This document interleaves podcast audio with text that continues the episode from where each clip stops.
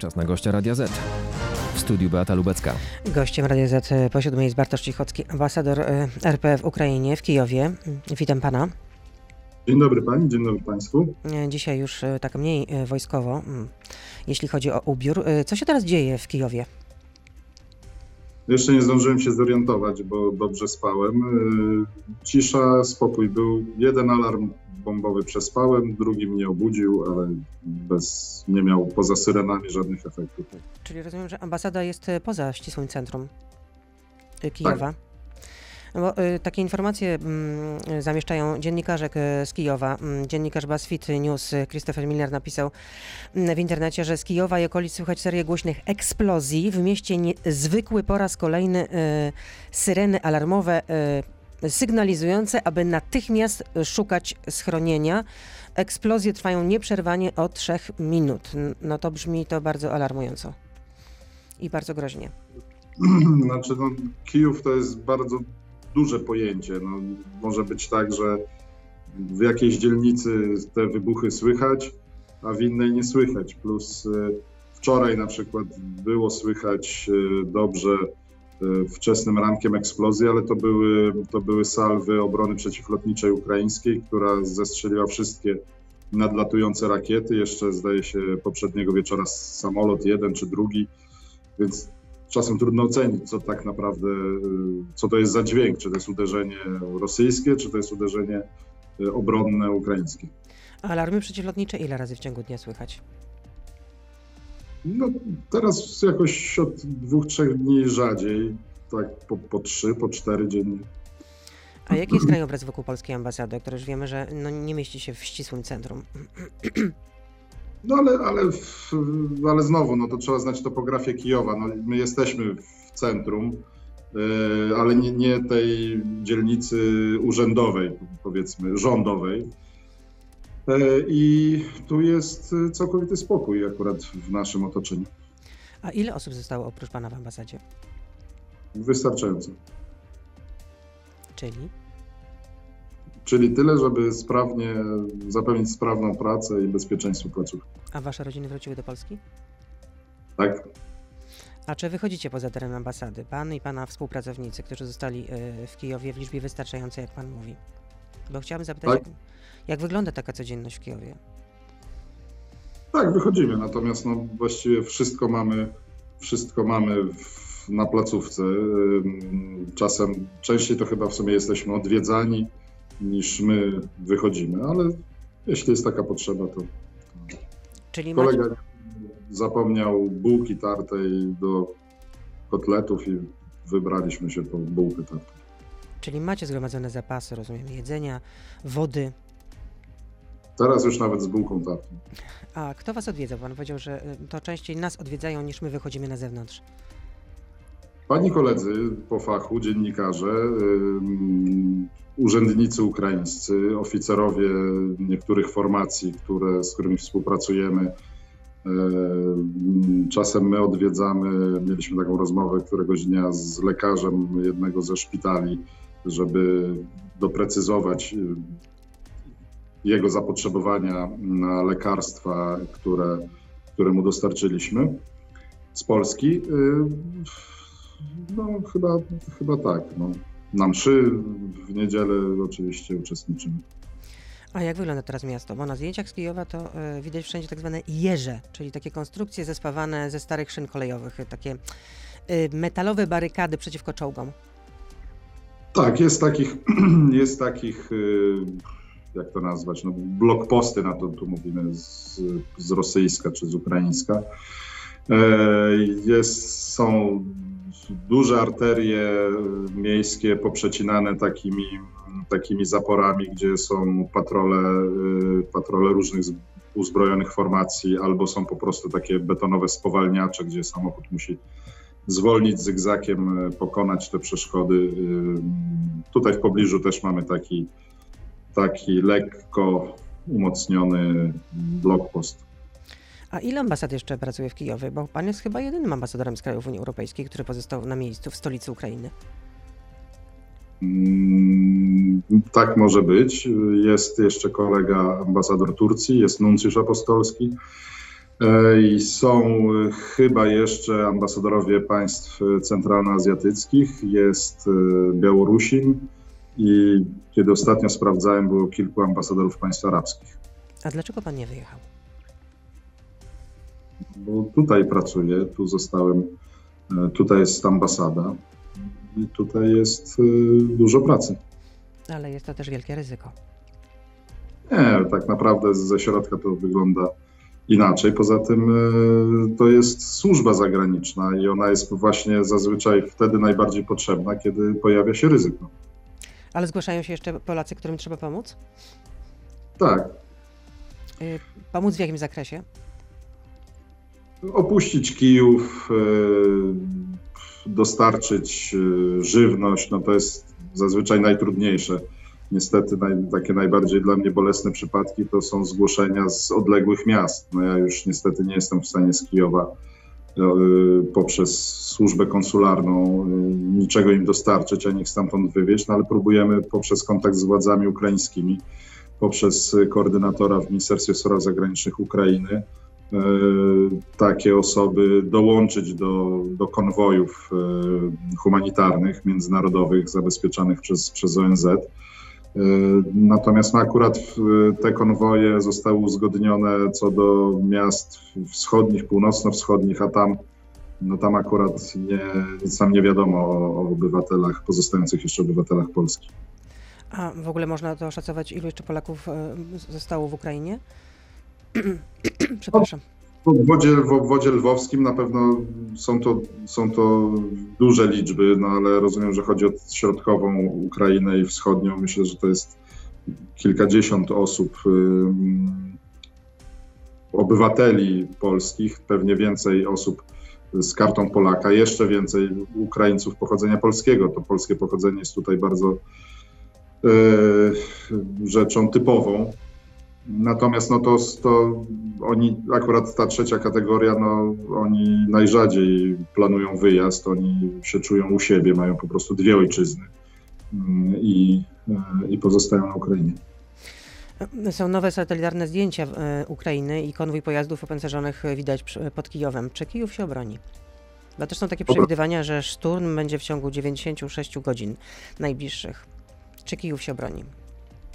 Kijów się obroni. Jest pan przekonany? Tak. Dlaczego? Dlatego, że miałem okazję poznać obrońców y, Kijowa, dlatego, że miałem okazję poznać miasto, dlatego, że od y, półtora tygodnia słyszę, że Charków padł, Irpień padł, Bucza padła, tamto padło. Po chwili się okazuje, że, że nic nie pada, że Ukraińcy odbijają te miasta albo, albo Rosjanie tylko częściowo są w stanie je je zajmować, więc y, stąd moje przekonanie. No, według ukraińskiego sztabu Rosjanie ściągają też zaopatrzenie w okolice stolicy Ukrainy. Planują wykorzystanie kilku elitarnych jednostek, takich jak e, najemnicy z grupy Wagnera czy czeczeńscy kadyrowcy. To ta sława, zła sława tych e, jednostek ma dodatkowo zastraszyć obrońców? No, pani mnie od rana próbuje zastraszyć, ale nie, nie, nie, nie, nie, absolutnie nie, nie, nie jest taka moja intencja jestem właśnie, piję sobie herbatę i, i jakoś y, mam dobry nastrój. By, byli już, były, już tutaj, były już tutaj starcia z tymi kadyrowcami. Y, z wczoraj zdaje się gdzieś rozbito y, Wagnerowców, więc no, Ukraińcy też mają swoich, swoich zdolnych żołnierzy, wojsk specjalnych, innych formacji i no nie, nie jakoś nie. Ci kaderowcy i wagnerowcy nie robią na nich wrażenia. Też by pana podnieść na duchu, to też czytałam, według ekspertów w tej chwili Rosjan nie stać na zdobycie Kijowa, bo zgromadzili za mało żołnierzy piechoty. E, miasta musi zdoby, miasto musi zdobywać piechotę, a Kijów jest zbyt rozległym terenem, aby taki plan miał szansę na powodzenie. Pana no to na duchu? widzieliśmy w Charkowie chociażby, że faktycznie Rosjanom, Rosjanom zabrakło piechoty. Słyszymy, że mobilizują nawet Syryjczyków że, że tam w kraju krasnodarskim jakieś y, mobilizacje, brakuje im po prostu żołnierza. Natomiast już tak całkowicie poważnie, y, oczywiście no, teren trzeba, musi być zajmowany lądowo, ale może się to odbywać tylko w, z ochroną z powietrza. I tutaj pojawia się ten postulat y, władz ukraińskich o, o dostarczenie sił platform y, powietrznych, bojowych, o obronę przeciwlotniczą, o zamknięcie przestrzeni powietrznej. To będzie, te decyzje ze strony państw zachodnich będą miały kluczowe znaczenie dla tego konfliktu. No ale NATO się na to nie zgadza, ponieważ uważa, że to oznaczałoby e, rozpętanie III wojny światowej. Oznaczałoby, że NATO też e, wkracza do akcji i staje się też stroną w tym konflikcie. Mm, nie będę dyskutował publicznie z tak potężnym y, partnerem jak NATO. E, natomiast tak czy owak od tej decyzji będzie zależało życie tysięcy ludzi i, i suwerenność Ukrainy. A na koniec części radiowej, gdyby Pan mógł coś powiedzieć e, tak zupełnie już absolutnie indywidualnie od siebie słuchaczom Radia Z. Stawia Pani urzędnika państwowego w bardzo skomplikowanej sytuacji. My nie jesteśmy dobrze w indywidualizmie, my jesteśmy dobrze w pracy zespołowej. Pozdrawiam, może tak, pozdrawiam serdecznie wszystkich kolegów, koleżanki, którzy ciężko pracują z Polski, e, nasze rodziny. No to tyle w części radiowej. E, ambasador RP mm, w Kijowie, Bartosz Ciechowski z nami zostaje. Jesteśmy na Facebooku, na Radio ZPL, na YouTubie, więc proszę zostać z nami. Beata Lubecka, zapraszam. I jeszcze nawiążę do, tej, e, do tego wątku, e, który poruszyliśmy na samym końcu tej części radiowej. Mm, chodzi o albo otwarcie nieba, albo do, o dostarczenie myśliwców, przepraszam bardzo, Ukraińcom. No i Polska wystąpiła z taką inicjatywą, że chcemy przekazać teraz MiGi-29 Amerykanom nieodpłatnie. Dostarczymy je do bazy Ramstein, do bazy natowskiej w NATO. No ale entuzjazmu ze strony, to mówiąc najoględniej, ze strony Pentagonu no nie widać. Po co taki pomysł? E, no, nie, nie, chciałbym komentować tu z Kijowa e, ani decyzji moich przełożonych, ani odpowiedzi, reakcji amerykańskiej. Ja rzecz jasna nie brałem udziału w podejmowaniu naszej decyzji, ani w rozmowach z Amerykanami. Jestem tutaj w Kijowie. Natomiast no, jest chyba oczywiste, że próbujemy przełamać pewien, pewien opór, inercję i zobaczymy. Myślę, że muszą się nasi sojusznicy przyzwyczaić, czy przestawić w trochę inny tryb.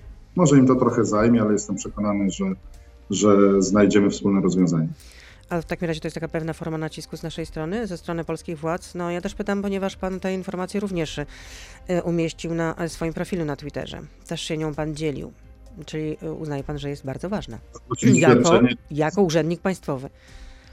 To jest oświadczenie mojego ministerstwa, to je, to je upowszechniam. Taki jest mój obowiązek i, i jakby jest to ważne też dla, dla, bardzo ważne dla Ukraińców oświadczenie. Y, no i nie wiem, co mogę jeszcze powiedzieć na ten temat. Y, to widać, że przez cały ten, od, od właściwie nawet od grudnia, kiedy się zaczęły pojawiać te oceny amerykańskie, że, że nastąpi inwazja, była, trwała debata i się różni sojusznicy różnie różnie stawiali do tej, ustawiali do tej sytuacji. I teraz od wybuchu konfliktu też widzimy bardzo wyraźną dynamikę w postawie Niemiec na przykład co do dostaw broni, co do Nord Streamu, w postawie Francuzów i w naszej postawie. No, nie, wszyscy, wszyscy obserwujemy, co się dzieje i, i dostosowujemy jakoś, e, ewoluują nasze,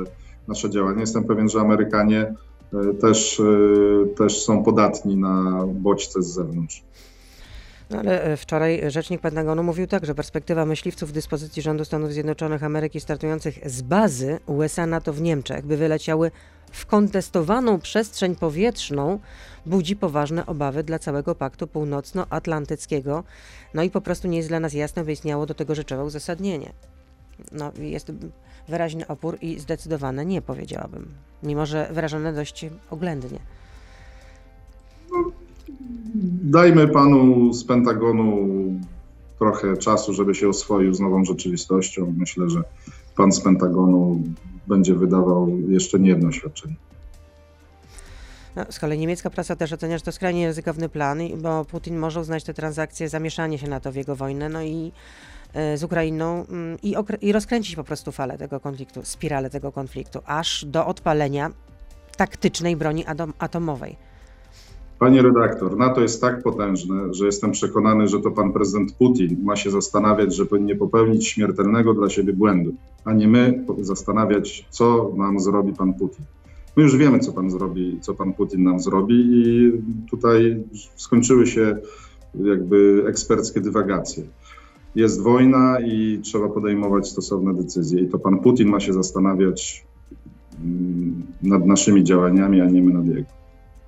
Czyli rozumiem, że to z naszej strony jest też pewien nacisk wywierany na naszych sojuszników y, z, mm, z Sojuszu Północnoatlantyckiego. Atlantyckiego.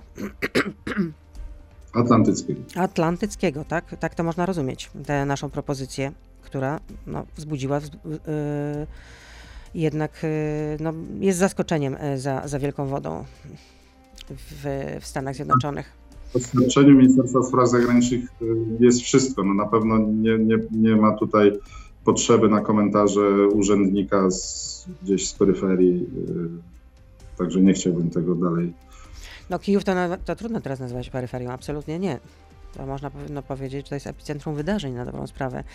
Mm, No też padły takie dość mm, ostre i gorzkie słowa mm, ze strony doradcy prezydenta Zełańskiego. Michajło Podolak w rozmowie y, z dziennikiem Rzeczpospolita mówi tak, że decyzja o niezamykaniu przestrzeni powie- powietrznej nad Ukrainą przez NATO to hańba i oznaka słabości. No tak jak mówiłem, dla Ukraińców to jest, to jest sprawa życia i śmierci, więc oni, jasne, że oni ten e, naciskają na to w sposób bardzo, bardzo ostry. No i no zobaczymy, gdzie te spotkają się te, e, te stanowiska. No, każdy, każdy, każdy walczy o swoje interesy. Ma, Ukraina już jest zaatakowana i, dlatego to rozważanie, czy, czy wybuchnie wojna z Rosją, no nie mają dla niej sensu, bo ona już dla niej czasu, tak jak mówię, tydzień temu byliśmy w jeszcze kompletnie innej sytuacji. Zastanawialiśmy się, czy, czy SWIFT będzie, nie będzie, jakiego, czy Rosja odczuje e, sankcje. No dziś widzimy, że Rosja jest spychana do, do epoki kamienia łupanego i I czasami, jak słychać, mamy też problemy z połączeniem. Trudno się dziwić. No. Czy jeszcze się słyszymy, y, panie ambasadorze? No. Dobrze. Ja panią bardzo dobrze słyszę, ale coś widzę, że ja za, mój obraz zamarł. Y, Tak, nie słychać co pan mówi. Halo, widać, halo. pana, widać pana, natomiast nie słychać co pan mówi po prostu. No ale no, takie są realia, realia wojenne, powiedzmy wprost. Ja słyszę cały czas bez. Przykro- Y, No, y, a czy również w Kijowie mówi się o tym, że Rosjanie myślą nad y, zainstalowaniem mm, w stolicy Ukrainy swojego człowieka, czyli Janukowycza? Takie, takie pogłoski, takie żartobliwe pogłoski to były już od kilku lat, że ten, e, że ten pan Janukowycz czy tam gdzieś się wybiera. e, Teraz, tak, teraz też się pojawiły, no ale no jeszcze na jego miejscu nie spieszyłbym się z pakowaniem walizek, bo tu się nie zanosi na, na y, realną możliwość zainstalowania y, rządu marionetkowego. No, ukraińskie służby twierdzą, że Kreml planuje właśnie niebawem ogłosić Janukowycza mm, prezydentem Ukrainy. No ale był też apel Wiktora e, Janukowycza do Wołodymyra Zełańskiego, e, gdzie apelował do mm, ukraińskiego prezydenta, że to Ukraina musi zakończyć tę wojnę. Rozumiem, że masz wielu doradców, ale to ty jesteś osobiście zobowiązany, by za wszelką cenę zatrzymać rozlew krwi i zawrzeć pokój. Tego od ciebie oczekuje Ukraina, Donbas i Rosja. To nie jest wyraz bezczelności ze strony Janukowycza. Więc Jeśli zaczniemy komentować y, wypowiedzi tego wyrzutka, to myślę, to nie jest zgodne Radia Z i, i pani redaktor. Nie, no, szkoda czasu. No to czego życzyć panu na koniec? Mm, dobrego obiadu. e, I, I dużo chmur nad Kijowem. Do tego życzę z całego serca. Dziękuję za to spotkanie. Do usłyszenia, do zobaczenia. No i mam nadzieję, że wkrótce znowu się zobaczymy. Bardzo będzie mi miło. Dziękuję, dziękuję bardzo. Dziękuję bardzo.